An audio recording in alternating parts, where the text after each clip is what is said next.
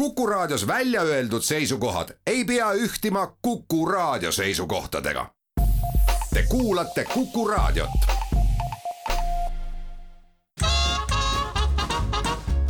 jäljed gloobusel tere päevast, kena Kuku raadio kuulaja, Jäljak gloobusel alustab oma kolmanda saatega, nagu eelmine saade lubasime Väntsiga, siis täna räägime sellisest toredast riigist nagu Kuuba ja mikrofonide taga, nagu ikka, Väino Laisaar ja Andres Karu. just nimelt, suur tere kas äh, sinul, Väints äh,, oli ka mingeid illusioone enne, kui sa esimest korda Kuubasse läksid, kusjuures see, ma rõhutan just seda, et esimest korda, sest noh, seda on alati šef öelda, see on palju šefim, on öelda, et kui ma viimati käisin Kuuba saarel, kui öelda, et kui ma Kuuba saarel käisin, et kui sa esimest korda läksid Kuuba saarele, siis äh, millised olid sinu ootused üldse? Ma sattusin sinna esimest korda kahe tuhande üheksateistkümnendal aastal ja tegelikult noh, eks mu need ootused ja, ja teadmised Kuubast olid umbes sama palju nagu äh, kõikidel teistel inimestel, kes ei ole Kuuba kohta spetsiaalselt midagi uurinud, et vanad Ameerika autod, selline veidi äh, sellisesse ajahambasse kinni jäänud äh, riik ja, ja, ja toredad Kuuba rütmid ja loomulikult ka rumm kõlab suht sarnaselt sellele, mis mina ootasin, ma küll olin ka näinud pilte vanadest Nõukogude autodest ja ja, ja ilusatest äh, äh, mõnusa nahatooniga nagu tütarlastest ja ja, ja loomulikult mul on mingi vana nagu selline nostalgialaks on natukene Fideliga ka ikka või no ütleme mõlema Castro vennaga. mina käisin kaks tuhat neliteist ja me, minul oli siis äh, võimalus olla Kuuba saarel sel hetkel, kui mõlemad vanad Castrod olid veel elus ja nende hõngu seal igal pool ikkagi nagu levis nagu nii õhu kui maa kaudu ja, ja kõikides juttudes nad mingil hetkel jõuti ikka Castro vendadeni ja räägiti, räägiti nendest. kas oli mingi asi, mida, millega sind kohe Kuubaga üllatas esimestel hetkedel? No esimene ma olen siin ka varasemates saadetes öelnud, et minu jaoks avab riigi või teeb selle esimese kontaktiriigiga kohe need rütmid, mis sulle siis esimesest hetkest vastu kumama hakkavad. Ja, ja tegelikult kohe, kui me Havannas maandusime olid nii, nii lennujaam kui ka, kui ka tänavad ja, ja seal lennujaama ees seisvad mustmiljon erikujulist taksomobiili, mille raadiotest just nimelt kaikusid sellised rütmid, mis läbisid minu keha, panid jala liikuma, tõid naeratuse näole ja, ja kohe teine asi oli see, et kuivõrd sõbralikud ja toredad olid sealsed inimesed. ohoh Äh, kusjuures me peame täpsustama jälle rahvale üle ka, et me esimeses saates kunagi viskasime nagu selle kinda üles, et Kuuba on üks saar, kuhu Väints hea meelega läheks tagasi ja mina ei viitsiks. et sellelt pinnalt nagu mina jälle mõtlen, et vot näed, sul oli hästi sõbralik mulle näiteks see riik, esimene asi, mis nagu meelde jäi, oli kohe see, et kohe läks natukene tüütuks nagu, et just seesama, et sõbralik inimene tuleb lähedale, aga, aga dialoog ikkagi, mis tekib, on nagu see, et rummi, härra, ei, aitäh. Sigarit, ei, tüdrukut, ei, poissi, ei, aitäh, tüdrukut ja poissi, ei, aitäh, on ju, ja niimoodi nagu noh, ja siis jõutakse ringiga jälle selle rummi ikkagi äkki noh, et äkki ma vahepeal olen ümber mõelnud selle kuueteist sekundi jooksul, on ju. et mul kuidagi algas ta jah, kuidagi tüütult, et pilt oli väga ilus, aga kuidagi see, et kuidas nagu tuldi nagu lähedale ja kuidas pakuti kogu aeg neid samu asju ma ju teadsin juba, et neid kõiki on võimalik saada raha eest, aga kogu aeg pakuti ja see oli tüütu ma arvan, et siin võis olla erisus ka selles, et eh, kui sina tõenäoliselt oma tipu vallutamise sooviga maandusid lennujaama ja hakkasid jälle endale omaselt vaatama, mis edasi saab, siis, siis meil oli tegelikult enda transport vastas, noh, nii-öelda, et me ei istunud sealtsamast kohe suvalisse eh, taksosse ja hakanud linna poole sõitma, vaid, vaid meil oli oma, oma väike buss seal vastas ja, ja, ja sellest lähtuvalt siis tõenäoliselt ka oli see bussijuht eh, sedasorti seades, et ei hakanud meile kohe esimestel võimalustel midagi maha müüma. kus kohas sa üldse lendasid? Eh, kaks tuhat üheksateist aastal sinna? me lendasime, kui ma nüüd ei eksi, ikkagi vist läbi Frankfurdi ja, ja mm, -hmm. ja siis järgmine peatus sattuski lennukitega niimoodi, et järgmine peatus olimegi juba Havannas. mina, mina läksin veel sel ajal, kui näiteks USA-st üldse aastal kaks tuhat neliteist siis veel otselende ei olnud ja siis äh, meil tuli ikkagi lennata kõigepealt Panamasse ja Panamas siis vahetada lennumasinat ja lennata edasi sealt Kuubale see oli kuidagi nagu selline, lihtsalt mul seos tekkis nagu sellega, et Kuubalt äh, lahkudes viimane mees, kes meile nii-öelda autojuhi teenust pakkus, siis tema nagu see, äh, see võttis mingis suhtes kokku nagu Kuuba inimeste niisuguse unelma, et pagan, et riik võiks ikkagi nagu need otselennud sealt USA-st on ju, võiks nagu avada, on ju et kui hakkaks sealt nagu turiste tulema, siis noh, siis on täiesti chill ja kõigil on nii palju raha, et täitsa hullumaja on ju ja mitte midagi ei pea tegema. et mis natukene võttis minu jaoks nagu Kuuba inimeste nagu sellise suhtumise kokku, et nad eriti hea meelega nagu liiga palju ei tee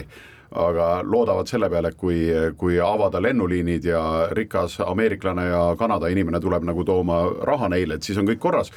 paraku nad ei mõtle nagu tihti selle peale, et selleks, et lennuliin avada, võiks ka mingi infra ja taristu võiks olla nagu korralikum, sest noh, Kuuba lennujaamas mina vähemalt nägin, et ega seal kohati neid isegi pagasilinte nagu väga ei olnud, et mingid tüübid tassisid lihtsalt neid kohvreid, panid kuhugi ritta sinna selle check-in'i juurde nagu kohvrid maha ja siis mingil hetkel keegi viis käsitsi sinna, et siis kuhugi noh, tõenäoliselt siis lennukini, on ju, mhm. vot jah, et see, sellega neil on natukene mahajäämust äh, nagu paljude asjadega. no tänapäeval on asi natukene paremaks läinud, kui äh, veebruaris tuhande üheksasaja kuuekümne teisel aastal USA selle suure majandusembargo välja kuulutas, noh, sinna täpselt sellesse samasse punkti see riik oma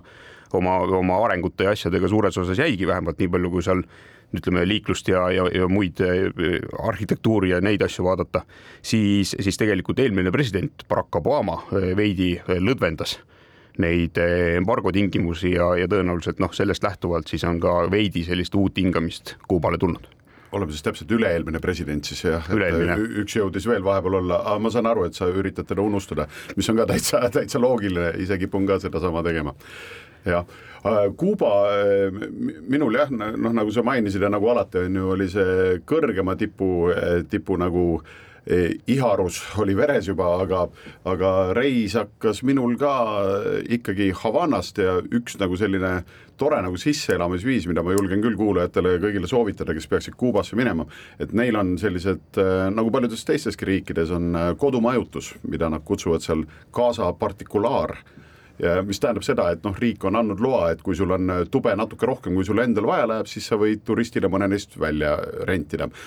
mis tegelikult tähendab seda, et äh, mõned majad on sellised, et ei ela seal ühtegi kuubakat, vaid noh, tegelikult on vaikselt tehtud nägu, et Äh, me ise elame siin ka, tegelikult on kõik toad on ju välja renditud ja vahel on see maja on ju neljakordne ja seal on kokku on ju kaheksateist tuba ja siis äh, noh, nad ise üheski toas ei ela, vaid elavad vaikselt kuskil mujal. ja, ja see, meie sattusime väga mõnusasti oma seltskonnaga siis äh, ühe sellise günekoloogi, kelle nimi oli Alex, tema hoole alla, kes siis tegi meile Havannas väikse ekskursiooni, rääkis kõik ära need asjad, et raha eest saab kõike peale relvade, on ju, ja siis, et ainult küsige ja oligi niisugune tore kontakt, kusjuures mulle tema juures meeldis veel see, et ta oli sealjuures oli ta, et neil on igas kvartalis, põhimõtteliselt Havanas on see, et iga kvartali peale peab olema üks nii-öelda valitsusele koputaja kes siis kannab ette noh, negatiivsetest persoonidest ja tegevustest. Ja selle kvartali koputaja oli Alex ise, kes ütles, et eh, ma võtsingi selle teadlikult enda peale, et ma suudan enamus jamad nagu ära hoida, et alguses lähen siiski räägin noore poisiga, kes tahab nagu karjuda, et ma tapan Fideli ära näiteks on ju, et läheb räägib, et kuule, et ära, et karju ainult oma kodus seda on ju. Ja sõprade juuresolekul, et ära hüüa rõdu peal, sest eh, siis kuuleb seda veel kakssada inimest, kelle hulgas võib olla ka naaberkvartali koputaja, kes ei ole nii tore inimene. nii et eh, me sattusime siis koputaja majja elama ja saime tänu sellele väga palju nii-öelda informatsiooni kõige kohta, kuidas see riik toimib ja, ja Alex oli meiega väga-väga aus, mis, mis oli äärmiselt tore. See on iseenesest põnev amet, mida seal riigis ikka aeg-ajalt kohtab või mille esindajaid seal riigis kohtab, et nii seal Havanna kui ka teistes, teiste linnade tänavatel käies on aeg-ajalt selline kangialune, kus siis istub onu või mõni tädi väikese kehvakese laua taga, vihik on ees ja, ja siis tema juures saab käia ära rääkimas hinge pealt siis asju, mida, mida sinu naaber on eh, siis eh, pidanud endale paremaks soetada, kui, kui sinul näiteks on. kusjuures veel hindade kohta näiteks, et mingit, mingit aimu saada, et Kuubal nagu hindasid dikteerib ikkagi see, et kas kaup on defitsiitne või ei ole ja sa vähemalt aastal kaks tuhat neliteist võis seal kohata näiteks seda, et sul tänaval on mingi aasta kaheksakümmend neli aasta mingi Moskvitš, noh, enam-vähem okei okay korras, sest noh, see seal kliima on selline, et eh, ei kipu roostetama need autod, kestavad väga-väga kaua. ja noh, seetõttu ka neid kuuekümnendate, viiekümnendate Ameerika masinaid on seal nii palju veel alles, sama siis Nõukogude masinatega. Ja see Moskvitši peal võib olla hinnasilt, et kuule, vot see Moskvitš on müüa ja hind on näiteks seitseteist tuhat USA dollarit. jah, ühte sellist Moskvitš nelisada kaksteist võis see mudel näiteks olla, oli ka Havanna tänavatel ripakil, kiri oli peal, et mootor ei tööta aga osta ja, ja saad korda teha ja hind oli kaksteist tuhat dollarit. no just nimelt ja siis kõrval sa näed maja müügikuulutust ja niisugune läbi nelja korruse minev maja, noh, koloniaalajas kehvas korras küll, enamus on nad nõnda, et vajaksid kõpitsemist, aga eriti keegi ei kõpitse, sest noh, kuni saab ilma, siis äh, seda ei tehta. aga näiteks see maja seal neljakordne niisugune ridaelamu tüüpi võis maksta näiteks üksteist tuhat dollarit ehk siis sul on valida, kas osta kolmandik kallimalt on ju Moskvitš endale või osta neljakordne maja, sellised äh, kummalised värgid siis äh, Kuubal aeg-ajalt äh,, aeg-ajalt tekivad me lähme hetke pärast kohe ka ühele pausile, pärast pausi äh, räägime siis edasi, räägime kõrgemast tipust, räägime Kuuba inimestest, räägime, kuidas seal natukene ringi liikuda ja mis variandid seal on. ja Kuubast üleüldse. jäljed gloobusel oleme tagasi saatega Jäljed gloobusel, Väints ja Karu on mikrofonide taga ja räägime nüüd natukene sellest, et mis saar ja mis riik see Kuuba üldse on ja kust ta tulnud, kuhu minemas no nii nagu enamus selle regiooni riike, saari, eh, kontinente eh, avastas siis Christopher Columbus ja, ja Kuuba jäi tema laevateele ette kahekümne seitsmendal oktoobril tuhande neljasaja üheksakümne teisel aastal. ja, ja noh, peab eh, tunnistama ja, ja ka kohalikud kindlasti tunnistavad, et ega sellest Columbuse sinna jõudmisest kohalikel kuidagimoodi elu paremaks ei läinud, et neid hispaanlasi sinna uutele koloniaalaladele hakkas laiali valguma ja aga, aga sellegipoolest elu tänaseks päevaks käib ja, ja pigem nii-öelda nagu suhtutakse sellesse ajaloosse võib-olla siis isegi nagu kergelt positiivses võtmes. aga saar ise natukene rohkem kui kaks korda suurem kui Eesti, sada kümme tuhat kaheksasada kuuskümmend ruutmeetrit ja seal elab üksteist miljonit inimest ja, ja see on oma kujult selline eh, pikk soolikalaadne maajupikene ja, ja kui ma tegin seda saadet ette valmistades kaardi peale neid ristikesi, kus kohas ma ära käinud olen, siis selgus minu suureks üllatuseks, et tegelikult on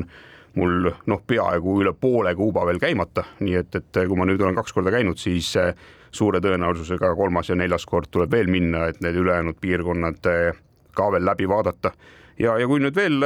Kuuba ajaloost rääkida, siis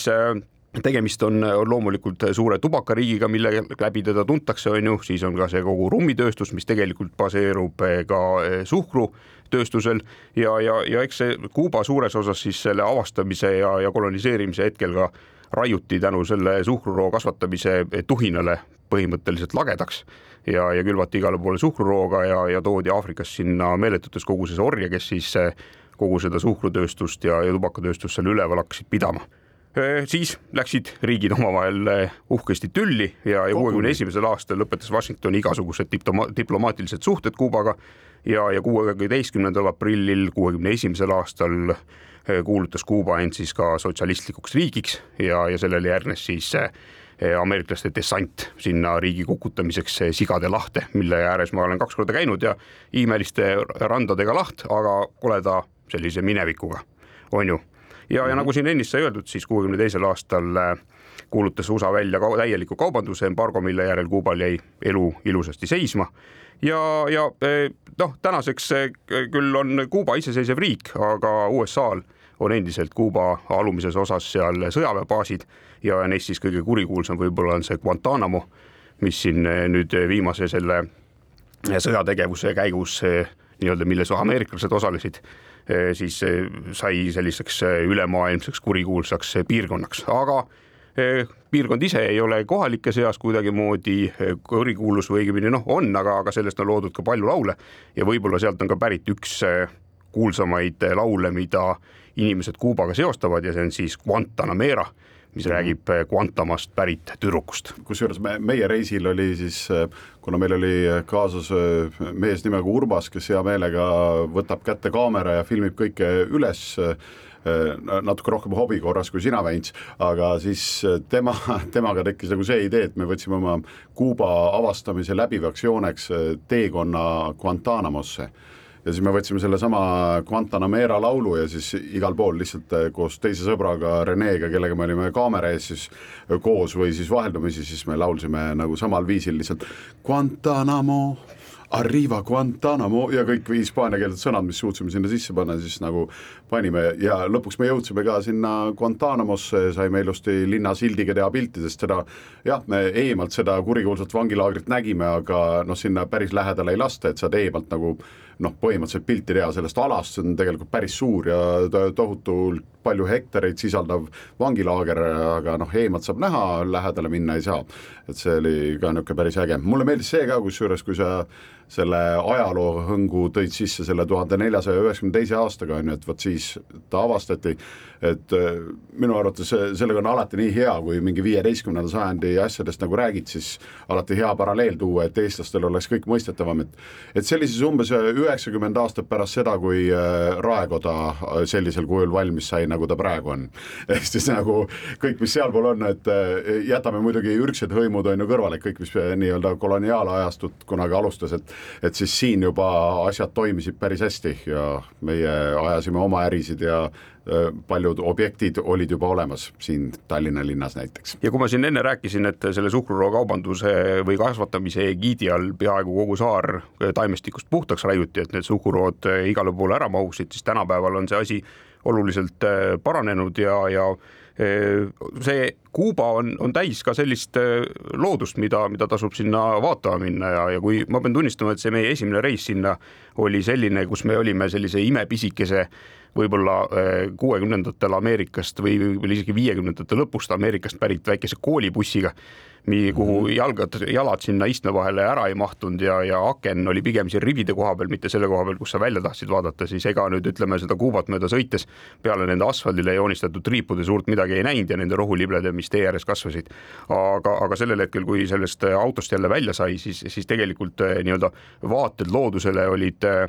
päris võimsad ja, ja eh, seal on olemas ka see kõige kõrgem tipp, mida siis ka sina vallutama läksid või, või oli sul lisalt sellele Guantanamole ja tipule ka mingisuguseid muid eesmärke seal? ega mul liialt ei ole, ma lasen ikkagi saatusel ennast tavaliselt ka juhtida, et võtan suuna alguses kõrgemale tipule ja siis vaatan, mis pärast saab, jah, Pico Turquino on selle tipu nimi, ta on niisugune tuhande üheksasaja seitsmekümne nelja meetri kõrgune, natuke alla kahe kilomeetri kõrge ja kohalikud on, kuna see on äh, siis samades mägedes põhimõtteliselt, kus äh, omal ajal tehti revolutsiooni ja kus äh, Castro vennad on ju ennast siis varjasid ja vastupanu osutasid siis võõrvägedele, et siis seal mägede vahel on kõik üsna reguleeritud, nii et ka selleks, et minna kõrgemasse tippu, sa pead võtma giidi Äh, see on kahepäevane teekond, üks, äh, üks öö veedetakse siis tipust natukene allpool äh, ja teisel päeval minnakse tippu ja tullakse siis kogu tee alla tagasi. Aga meie siis alustasime nagu ikkagi tähtsamatest asjadest, et kõigepealt läksime samamoodi giidiga, läksime siis vaatama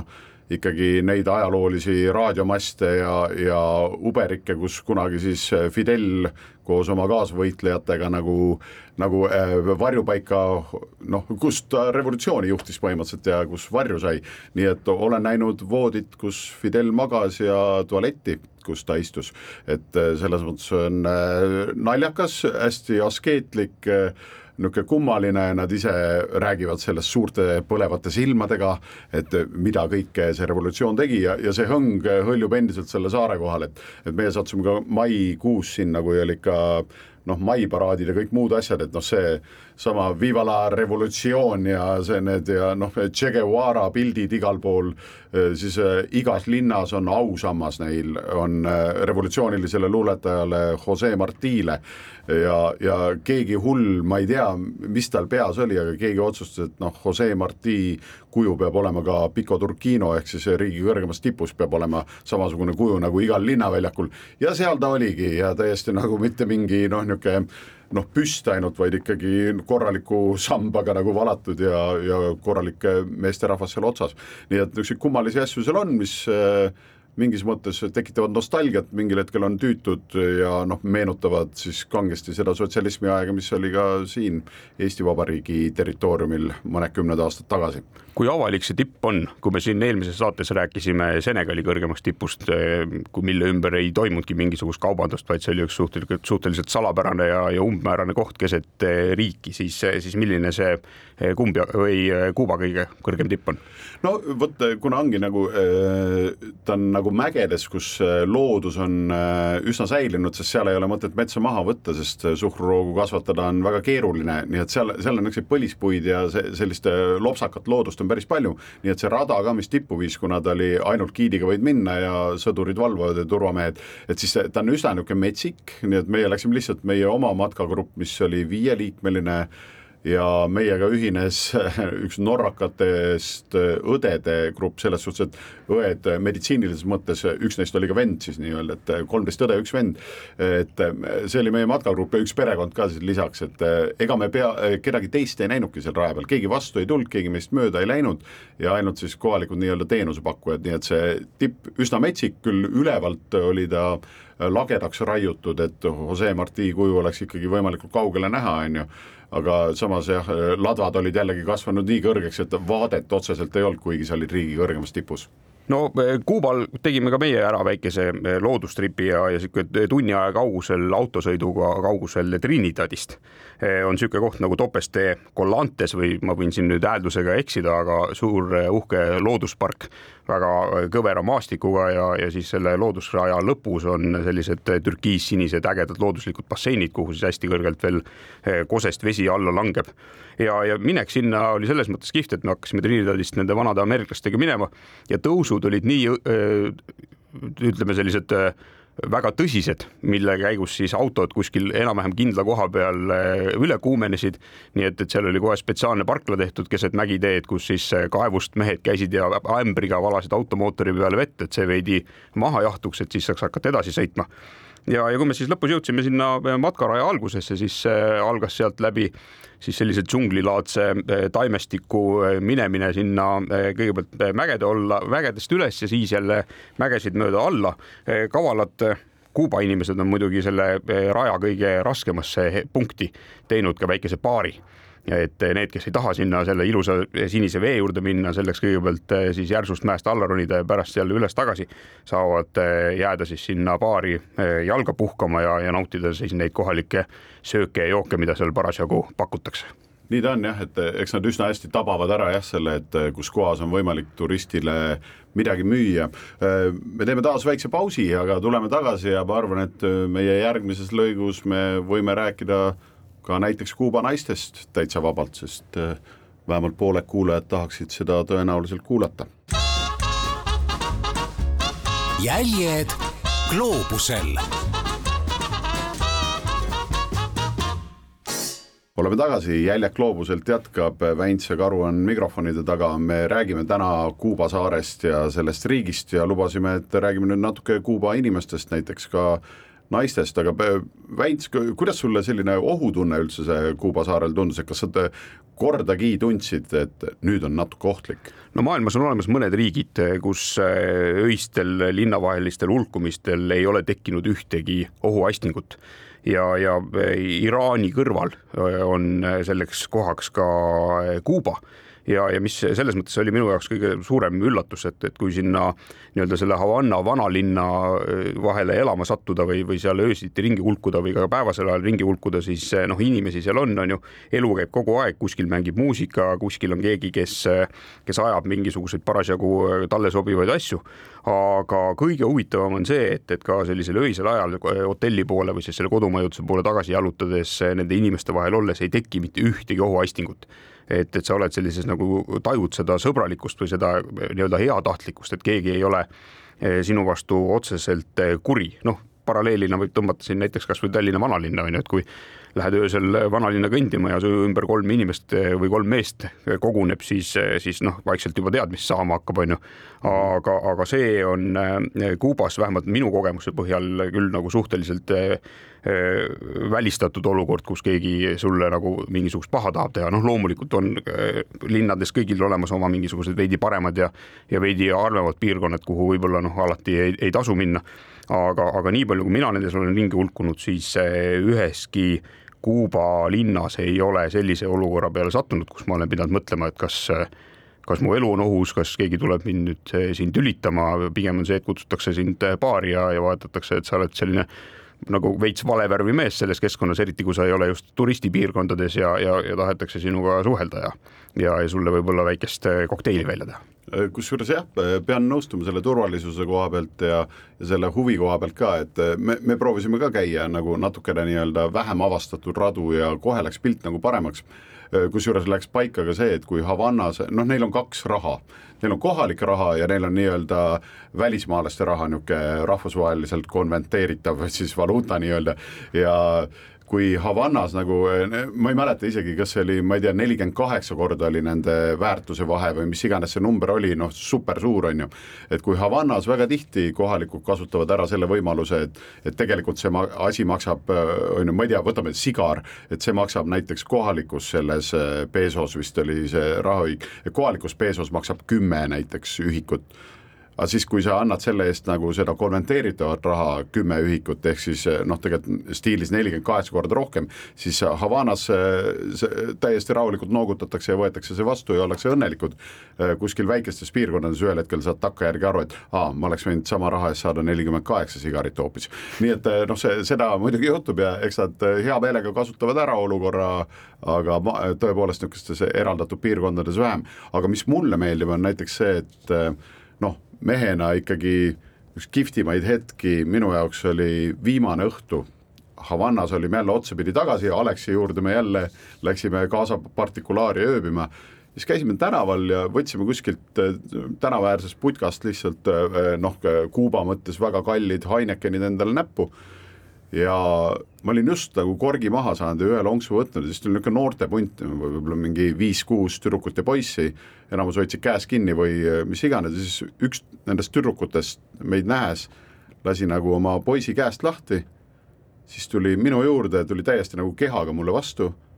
vaatas alt üles mulle otsa, ta oli niisugune noh, paarkümmend sentimeetrit minust lühem, siis äh, võttis ühe käega minu vabast käest kinni ja teise käega õllepudelist võttis rahulikult selle õllepudeli enda kätte, jõi sealt lonksu, vaadates mulle kogu aeg samal ajal silma, siis suudles mind põgusalt, aga mõjuvalt huultele ja lahkus õllepudeliga koos. mis oli noh, absoluutselt mul oli ainukene asi, mis ma peas mõtlesin, oli see, et selles oli stiili ja mul ei olnud nagu hetkekski seda, et oh, oh, oh, et kuule, kus sa õllega lähed, on ju. sest äh, see oli nii stiilne, pigem oli see tunne, et ma lähen ostan uue õlle ja jään siia passima sest äh, see oli ilus, ilus hetk. et äh, sellised, äh, selliste kohtumiste vastu mul ka ei olnud absoluutselt mitte midagi, pean ütlema. jah, stiili on neil kindlasti ja, ja seda paistab ka nii-öelda tänavapildist välja, sest inimesed enamasti käivad ikkagi sellistes värvilistes riietes ja, ja, ja näiteks kui minna õhtul promeneerima sinna Havanna kuulsasse nii-öelda mereäärsesse promenaadi ja, ja siis seal on näiteks selline olukord, kus inimesed kogunevad õhtul mere äärde nii-öelda sinna aut-, mööda sõitvaid autosid vaatama, inimesi vaatama ja, ja, ja kõigil on oma väiksed telefonid ja, ja võib-olla mingid kõlarid kaasas, käib aktiivne tants on ju, on sellised noh, ühesõnaga inimesed tunnevad elust rõõmu, tunnevad sellest kliimast rõõmu ja, ja näevad ise selle juures ka nagu väga sõbralikud ja toredad välja. mis mind ka üllatas, on see, et, et tegelikult ju nii seda Kuubat kui ka noh, ütleme tuntakse ikkagi ka selle Havanna rummi järgi, mis siin on nii-öelda ülemaailmse kuulsuse saavutanud ja, ja, ja sellises koguses, kuidas seal tänavatel, tanklates, igal pool seda rummi justkui nagu müüakse ja, ja kuidas seda voolab, kohtab haruharva sellist inimest, kes on ennast üle joonud ja lihtsalt noh, vedeleb kuskil. et, et minu jaoks nõus. oli see nagu hästi huvitav, et, et kui sul on igal sammul lihtsalt nagu võimalus rummipudelist kinni haarata, siis kuidas nad suudavad ennast hoida sellistest olukordadest nagu noh, meil siin no ütleme klassikaline eh, bussijaama õlleklubi on ju see sihuke Midnight Oil on ju, kes käib sellise suure sotskuga eh, tiksumas, et, et selliseid asju mina näiteks seal ei näinud üldse. absoluutselt ja täiesti nõus, kusjuures selle tantsimisega on ju, et on, et noh, et mis nagu koomiline on, et no võib-olla kõige tuntum on ju Kuuba lugu tänu sellele Social Clubi bändile on ju, on see Paramacare on ju, vot see, see lugu on ju, et eh, noh, seda mängitakse igal tantsuõhtul mingil hetkel, sest kui kohalik ei küsi, siis eh, turist küsib kindlasti, sest turist tihti ei teagi ühtegi teist eh, sealset nagu toredat lugu. aga mis mulle nagu pildiliselt meeldib, on see, et kui lähevad, lähevad kohalikud nagu tantsima, siis nad on tohutult võrratud, aga alati nagu selleks, et nad tunduvad eriti võrratud tänu sellele, et nende kõrvale lähevad turistid, kes on ka aasta otsa praktiseerinud sealtkandi tantse. natukene ja proovinud oma puusi käima saada ja see on minu jaoks on see alati nii koomiline, samas nagu armas, et see, et kui abitud nad on kohalikega võrreldes ja tänu millele siis kohalikud tunduvad nagu veel eriti lahedad tantsida ja ma pean sealjuures ütlema, et et äh, olles küll täiesti isane tüüp, siis ma pean ütlema, et paljuski tantsude ajal ma jälgisin äh, vastupidiselt üldlevinud arvamusele just meesterahvaid, sest see, see tekitas nagu eriti suure selle vahe, et mil-, kuidas olen, olen mina või mõni teine Eesti mees tantsupõrandal ja kuidas on nemad, kuidas nad suudavad, ma ei tea, mitu partnerit panna ühtemoodi tantsima, kusjuures üks on võetud ühest ja teine teisest lauast, et nad ei ole sõbrannad omavahel, on ju, ja, ja see, see oli ikka täielik müstika minu jaoks, et kuidas mehed tantsivad seal. üks asi, mis mulle veel meelde jäi ja praegu sinu jutuga meelde tuli, on äh, Havanna tänavatel ja tõenäoliselt ka teistel äh, Kuuba suurtel linnade tänavatel on need sellised äh, tantsukoolid ja, ja noh, avatud uste ja avatud akendega, nagu need kõik tänava või need Kuuba elamised on ju. Ja, ja kõnnid mööda tänavat, vaatad, kuulad, mingi rütm käib, noh, ja, ja siis ongi kõik, et kohe kutsutakse inimesed sinnasamasse tantsukooli on ju esimesi samme harjutama. ja, ja nii ka meie sellest reisiseltskonnast paljud naisterahvad võtsid selle kutse vastu ja läksid sinna mõneks ajaks siis eh, tantsima. Ja, ja samal teisel pool teed oli siis selline klassikaline meestehoid väikese baari näol, kus siis äh, sellises mitte nii-öelda klassikalises kujus, niisuguses vahakujude muuseumis koos erinevate õlidega istuda, aga, aga kus samamoodi rütmid mängisid. Ja, ja, ja inimesed istusid ja nautisid erinevaid jooke ja, ja samamoodi nautisid erinevat päeva, et, et see kusjuures ka äh, on selle Kuuba puhul väga huvitav, et, et olgugi, et see nii-öelda poliitiline ja, ja võib-olla see eluline olukord ei ole seal teab mis meelakkumine siis inimesed suudavad selle kõige eh, nii-öelda kaamuse keskel ikkagi olla, olla rõõmsameelsed ja, ja., ja võtta aega, et sa istud rahulikult, naudid seda ühe oma joogikese ära ja siis lähed toimetad omi muid asju edasi. jah, õnneks on seal ka enamasti nagu väga soe, nii et sul nagu, et äh, isegi kui sa ei jõua koju, siis midagi ei juhtu, on äh, ka neil, aga jah, et äh, just see, see mingis suhtes see resonants nagu selle vahel, et kui nagu chill seal mingis mõttes on, aga samas sa kogu aeg näed seda mingit järjekorda, et kui kuskil midagi müüakse, siis on seal saba, on ju. et seesama selleks, et saada leiba, sa pead minema natuke varem arvestama, et sa lähed, ei ole niimoodi, et noh, ma lähen ja lihtsalt võtan leiva ka kaubanduskeskusest, vaid see on see väike putkake, kuhu mingil kellaajal tuleb, tavaliselt jääb hiljaks muidugi on ju, mingi sümboolse tund ikka, on ju, aga siis seistakse, sellega ollakse harjunud, vaadatakse ja tead, mis mulle linnapildis veel väga meeldis, et vaata need tänavad Havannas just eriti ei ole väga laiad, nad on niisugused kitsamapoolsed ja need majad tunduvad tänu sellele väga kõrged, niisugused, enamasti on nad niisugused nelja-viiekordsed võib-olla. et mulle meeldib see, et kuidas, kuna trepid on natukene ohtlikud ja kitsad ja pimedad, siis nende põhi nagu kauba ülestarimine käib nagu rõdude kaudu, et kõik majad on rõdusid täis, siis sealt visa, nii-öelda lastakse nagu nööriga mingi korvike või noh, mingi kastike alla, on ju, siis alt käib mingi vile, on ju, siis ülevalt lastakse korv alla, siis paneb paneb alt see, kas naabrinaine või kes sul juhuslikult selles leivasabas viitsis ära seista, on ju, paneb sulle leiva sinna sisse ja siis sa tõmbad selle nööriga üles näiteks neljandale korrusele, et see on väga äh, väga äge nagu vaadata, kuidas niisugune äh, noh, mõistlik lahendus, et milleks ronida üles neljandale, kui saab nööriga tõmmata üles selle asja. et ei pea ju kõike oma üheksakümmend kuute kilo sinna üles vedama jah, üks järjekord, mis mulle veel nüüd sinu jutu baasil meelde tuli, lisaks nendele saiapoe ja, ja sai pagariäride järjekordadele on siis sellised väiksed aknad seina sees, kus on siis nii-öelda see peso kohvi, kus sa ühe peso eest saad endale väikse tassi kohvi, limpsad selle sisse ja, ja kõnnid rõõmsalt edasi. Ja, ja, ja üks järjekord lookleb kindlasti ka nende Eh, nii-öelda riiklikute poodide eh, uste juures, kus siis eh, on kaubavalik küll väga väike, noh, nii-öelda Žiguli karbussist kuni hambaharjani kõiki asju seal müüakse, aga sealt siis saab osta nende kohalike, kohaliku raha eest ja, ja samas ka mingite talongide eest, mida kellelgi on õnnestunud kuskilt saada. Meil on jäänud veel üks nii-öelda saatesett kuulata, me täna räägime saates Jäljak gloobusel Väntsiga siis sellisest toredast riigist nagu Kuuba ja, ja lugusid sealt on palju, nii et kohtume juba mõne minuti pärast ja jätkame Kuuba lugusid. jäljed gloobusel tere tulemast tagasi jälle, Jäljak gloobusel jätkab Väints ja Karu mikrofonide taga, täna räägime Kuuba saarest ja sellest riigist. Väints, kuidas äh, sulle kohalikega suheldes tundus, kas kokkulepped seal peavad äh, või ei pea? No eks nad on natuke sellise nii-öelda ujuva loomuga, nii nagu võib-olla sealt Hispaania poole pealt seda manjana kultuuri on peale tulnud, et tegelikult aega on asjadega tegeleda ja ja olgugi, et sa oled mõne kodumajutaja, kodumajutajaga kokku leppinud, et sul on mingiks päevaks seal olemas selline sobilik magamisase, siis kohale jõudes tuleb välja, et tegelikult selleks päevaks kellelgi teisel oli seda magamisaset veidi rohkem vaja või siis, kes oli natukene rohkem nõus maksma ja, ja, ja siis vaadati justkui nagu läbi sõrmede sellele sinu äh, broneeringule. nii et, et noh, tegelikult selliste asjadega tasub äh, seal äh, omal käel ringi sõites arvestada, et, et noh, kuidagi küsida üle, proovida need kokkulepped võib-olla nagu väga kindlalt paika saada, aga kohale jõudes tuleb ikkagi arvestada, et äkki midagi on vahepeal muutunud. Kuigi ma märkasin ka seda, et nad, kui ka mingi nagu muutu, muutuja on mängu tulnud, et siis nad tegelevad ikkagi selle olukorraga, et nad nagu, nagu täitsa üle ei lase, et kui sinu äh, nii-öelda kaasas ei ole enam nagu vaba tuba, on ju, siis äh, nad juhatavad su lahkelt nagu oma sõbra juurde, kelle kaasas jällegi on see tuba. ja kui nad ei too sulle hommikuks äh, kokku lepitud ajaks kella üheksaks, on ju, seda bussi, millega sõita kolmesaja kilomeetri kaugusele, noh, esiteks nad ei jõua üheksaks muidugi, see on ka täiesti loogiline, noh, ei ole võimalik ju olla kokku lepitud ajal kohal Kuuba saarel, on ju, et siis nad selle asemel ikkagi toovad kaks tavalist sedaanautot, on ju, et noh, et kokkulepe ikkagi mingil määral nagu kehtib, kuigi kõik käed on löödud ja, ja hinnas on kokku lepitud, aga siis ei, aga meil on nüüd see ja natukene tegelikult nendele tuleb veidi rohkem maksta mm. -hmm. No, just, aga ja et just nüüd valesti aru ei saadaks, siis, siis tegelikult keegi sind nagu pahatahtlikult kuhugi ukse taha ei jäta. et kui asjad on muutunud, siis tõepoolest eh, leitakse sulle mingisugune teine alternatiiv, et sa lähed siis kas nüüd teisele, teisele poole tänavat järgmise tädi juurde või siis, või siis saad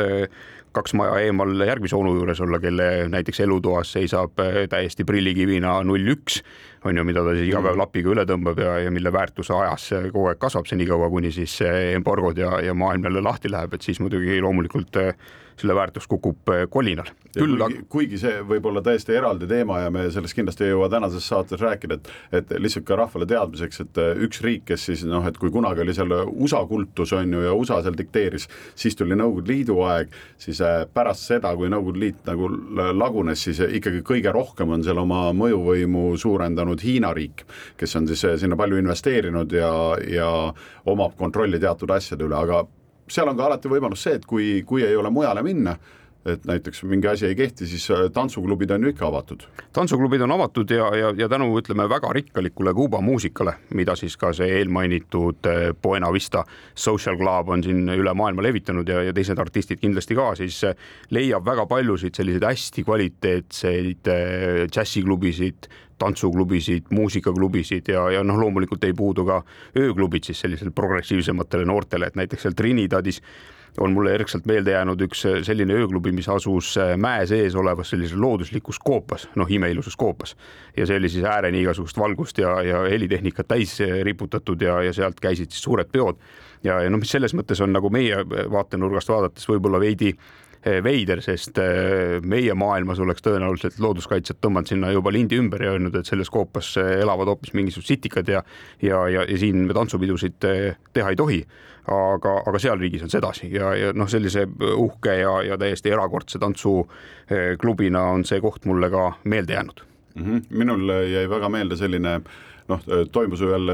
tõenäoliselt nädalavahetus oli see, kus äh, olime ka veidikene turismipiirkonnas, aga natukene nagu linnadest eemal, niisugune maapiirkonnas. Ja siis oli seal ühe välja peale mingil hetkel meie majutuse lähedal hakkasid tekkima sellised järelhaagised, et autod tõid nad nagu kohale ja järelhaagised olid nagu põhimõtteliselt kõlareid täis. Ja siis ma natukene noh, kuna ma ise ka nagu niisuguse meelelahutusvallas tegelen ja natukene kõlareid olen näinud siis ma lihtsalt ühel hetkel ma ei saanud enam aru, sest eh, noh, ütleme, et niisugusele hektari suurusele alale umbes oli nagu mingi noh, neid PA ehk siis lõppvõimenduse komplekte, suuri järelkärusid nagu tohutult suure nagu kõlaripagasiga oli tekkinud nagu mingi kas kaheksa või üheksa erinevat. Ja, ja täitsa huvi tekkis, et mis nüüd saama hakkab. Ja siis selgus, et ongi niisugune nagu, et kuskil oli nagu see lastega tegeleja, kes pani noh, täie tümmiga nagu tümm põhja ja siis kõrval esinesid rahvatantsijad ja siis natuke eemal keegi tegi nagu diskot nagu ja, ja siis oli natukene klubilikum niisugune muusika kuskil. Ja see oligi nii läbisegi, et see oli täiesti võimatu olla, mina ei saanud aru, et kui sa päris kõlari ees ei seisnud, siis sa kuulsid ikkagi vähemalt kolme erinevat nagu võimendust, nii et nad kuidagi suudavad selekteerida nagu selle ka välja, et võib olla väga palju lärmi ümber, aga nad suudavad selle ühe kanali valida, on ju, mida kuulata mm. -hmm. ja kui sa siin enne rääkisid, et äh, nii-öelda neid riike, kellest on lugu peetud või, või keda on väga armastatud, on olnud seal Kuuba ajaloo jooksul mitmeid, siis see on jätnud ka oma äh, sellise tugeva jälje sealsesse arhitektuuri. noh, üldi, üldiselt, kui sa nendes vanemates linnaosades käid, eks ta on kõik niisugune koloniaalarhitektuuri ja ma nüüd jälgi sealt nii nii eh, siis eh, Hispaaniast, Prantsusmaalt, eh, loomulikult ka Nõukogude Liidust, näiteks Trinidadist, kui minna sealt kesklinnast välja veidi ääre poole, siis leiab sellise viiekordsete paneelmajade laadse linnaosa, noh, kus mõnel korteril ei ole aknaid ees, ei ole elektrit, voolavat vett, kanalisatsiooni, aga kõik saavad selle elamisega hakkama. no see aknaid ees ei ole tihti ka nendel autodel, millega seal ringi sõidetakse ja pole hullu midagi, lihtsalt vihma ajal pead natukene vahepeal särki väänama just, et noh, meie inimene on ju, kes on tulnud eh, sellest eh, piirkonnast, mina näiteks olen kogu oma lapsepõlve elanud eh, Lasnamäel, siis, siis noh, minu jaoks oli see selline justkui mingisugune veider nostalgiline äratundmise hetk, küll mitte nagu kõige paremas mõttes, aga, aga, aga lihtsalt sa nagu leiad mingisuguse sellise pidepunkti, millega suhestuda noh, selles nii-öelda Nõukogude mm -hmm. arhitektuuris. ja loomulikult on terve see, me küll rääkisime revolutsioonilise luuletaja nagu Jose Marti kujudest igas kesklinnas, et igal kesklinnal tihti on ka mingi selline nagu noh, vähemalt neljakümne inimese, neljakümne aastasele inimesele väga äratuntav selline keskväljak, kus on siis kas mingi ausammas revolutsioonile või mis iganes ja ja meie näiteks nägime sellist kolossaalset platsi siis ka üheksandal mail justkui me, me päris paraadile ei jõudnud, sest noh, oli natuke vaja taikiirisid juua ja, ja muid asju teha, on ju, aga kui me sinna kohale jõudsime, siis niisugune nostalgialaks tuli minu jaoks selles ka, et äh, oli kõik, inimesed olid juba põhimõtteliselt laiali läinud, äh, korraldajad pakkisid asju kokku ja sealhulgas oli siis ka noh, klassikaline, kuna enamus tehnikast, mis veerema pidi, oli Nõukogude päritolu, siis ka noh, sulle Väints eriti lemmikmasinad, Villised on ju, et üks Villis oli siis jäänud seal, ei tahtnud käivituda ja siis nagu see klassikaline hetk, kus nagu kõik on ära näidatud ja siis noh, mingi masin tuleb ikkagi kuskilt ära lohistada et siis, aga me, me, me siis aitasime sellega, et noh, kuna tunneme nagu selle aja tehnikat veidikenegi, siis nagu ütlesime, et kuule, aga lükkame käima ja siis äh, kuubalastele jäi meist uus teadmine maha, see, et kui esimese käiguga üritad villis käima lükata, siis võib see olla väga lootusetu. Aga kui seda teha kolmanda käiguga, siis villis kipub käivituma, nii et saime neile uue asja ka õpetada nagu Nõukogude tehnika kohta. ja sama asja tuleb meeles pidada neid sealseid neljakümnendate, viiekümnendate ja kuuekümnendate alguse Ameerika autosid silmas pidades, et tegelikult neid originaaljuppe nende parandamiseks pole neil olnud kuskilt võtta ja, ja enamasti on nendel peal siis kas siis mingisugused Volga mootorid või, või mingisugused traktorivootorid või mis iganes neile parasjagu remondimiseks ja, ja, ja käigus hoidmiseks kätte on juhtunud. just ja, ja, ja nägin ka päris palju mingeid Žigulisid ja Moskvitše, mida viis edasi mingi Prantsuse noh, umbes Renault või Citroeni ajam nii-öelda, et see seal nad kombineerivad, nad on nagu oskajad, sa näed muidu, sa näed täiesti just neid autosid, näed nagu täielikke prillikivisid, nagu see, et kes on investeerinud, ta rendib seda autot välja, on ju, turistid maksavadki selle eest, et nende autodega sõita. aga siis ongi need täpselt need logud, et kui tagumine poritiib on ju, ütles nägemist, on ju, mingil hetkel, siis kuna ei olnud nagu plekis uut poritiiba nagunii ei ole saada enam kuskil, aga et kui ei olnud nagu plekki ka, millest seda teha, siis noh, vabalt võis, võidi see tehta, teha vineerist näiteks on ju, ja siis sa näedki nagu või, või siis leida mingi teise auto osa, et sa võid näha seal mingit noh, stiilis BMW-d, millele on nagu mingid Moskvitši osad, mis enam-vähem on sobinud, on külge pandud ja selliseid kombinatsioone on seal päris palju. ja autode hinnad, nagu me siin enne rääkisime, muidugi üüratud, see,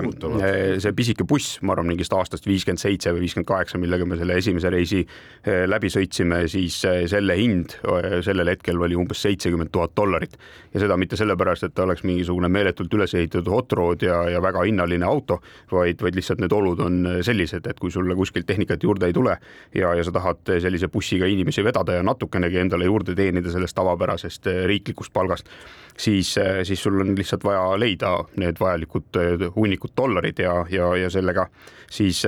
saad oma uut äri alustada, niikaua kui riik lubab. Kusjuures, kuna me hakkame saadet nüüd kokku võtma, siis ma mõtlesin, et seal äh, üks märgusõna, mis Kuuba kohta tegelikult minu jaoks jäi nagu kõlama, on äh, kontrastid mingis suhtes. Et seesama kontrast, et sul poes noh, ei ole midagi, aga tegelikult on võimalik kõike saada seesama äh, kontrast näiteks sellega on ju, et milline on autopark on ju, et kohati on ka mingeid täitsa uusi nagu äh, Aasiast pärit masinaid ja siis on neid vanu on ju legende. seal on kontrast ka sellega, et ma ei tea, näiteks me saime tänu sellele äh, gümnakoloog Aleksile, kelle juures elasime, saime ka meditsiinisüsteemi kohta natukene teada, noh, tasuta kõik nagunii on ju, nagu sotsialistlikus riigis peab, eks ole. aga just see, et näiteks kontrast just, et sinna tulevadki needsamad, kellega me tipus käisime, näiteks need Norra Norra nagu väga arenenud ühiskonnast tulnud õed tulevad praktiseerima lihtsalt sellepärast, et seal äh, mõned asjad on väga kaootilised, mida on põnev teada, aga sinna sisse, nagu ka Nõukogude Liidu ajal äh, Nõukogude meditsiini, satub ka noh, tõelisi geeniuseid, kes on täielikult teerajajad ja nii edasi, nii et tullakse sinna lihtsalt vaatama seda, et et kuidas võib nagu piiratud vahenditega geniaalseid asju korda saata ja milliseid operatsioone on võimalik äh, noh, sooritada näiteks, kui sul ei ole ühtegi masinat, mis omaks mingit kaamerat, mis näitab selle inimese sisse, et sa saad ainult skalpelliga näiteks ka suurepäraseid asju korda saata. et noh, sellised kontrastid minule mingis suhtes jäid sellelt saarelt kõlama ja ega me seda äh, Kuuba saadet muud moodi ära lõpetada ei saa, kui viitame korraga ühele eri, ütleme maailmakuulsale inimesele, keda siis äh, otseselt Kuubaga seota-, seostatakse ja see on siis Ernst Hemingway, kes viisteist aastat oma elust äh, Kuuba saare peal elas, kirjutades seal hulga surematuid romaane. Ja, ja selle kirjutamise käigus jõi kohalikes baarides kuulsaks ka Mojito nimelise kokteili. jah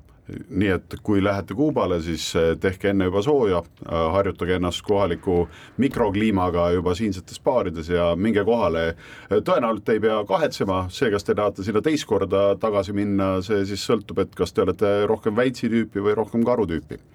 Aga meie saame öelda Ventsiga teile suur tänu taas kord kuulamast, selline oli meie kolmas saade Kuubast järgmine kord eh, meil on plaan eh, võtta stuudiosse ka külaline või külalised endale seltsiks, et siis on veel lõbusam. nii et olge avarad ja kuulmiseni. jäljed gloobusel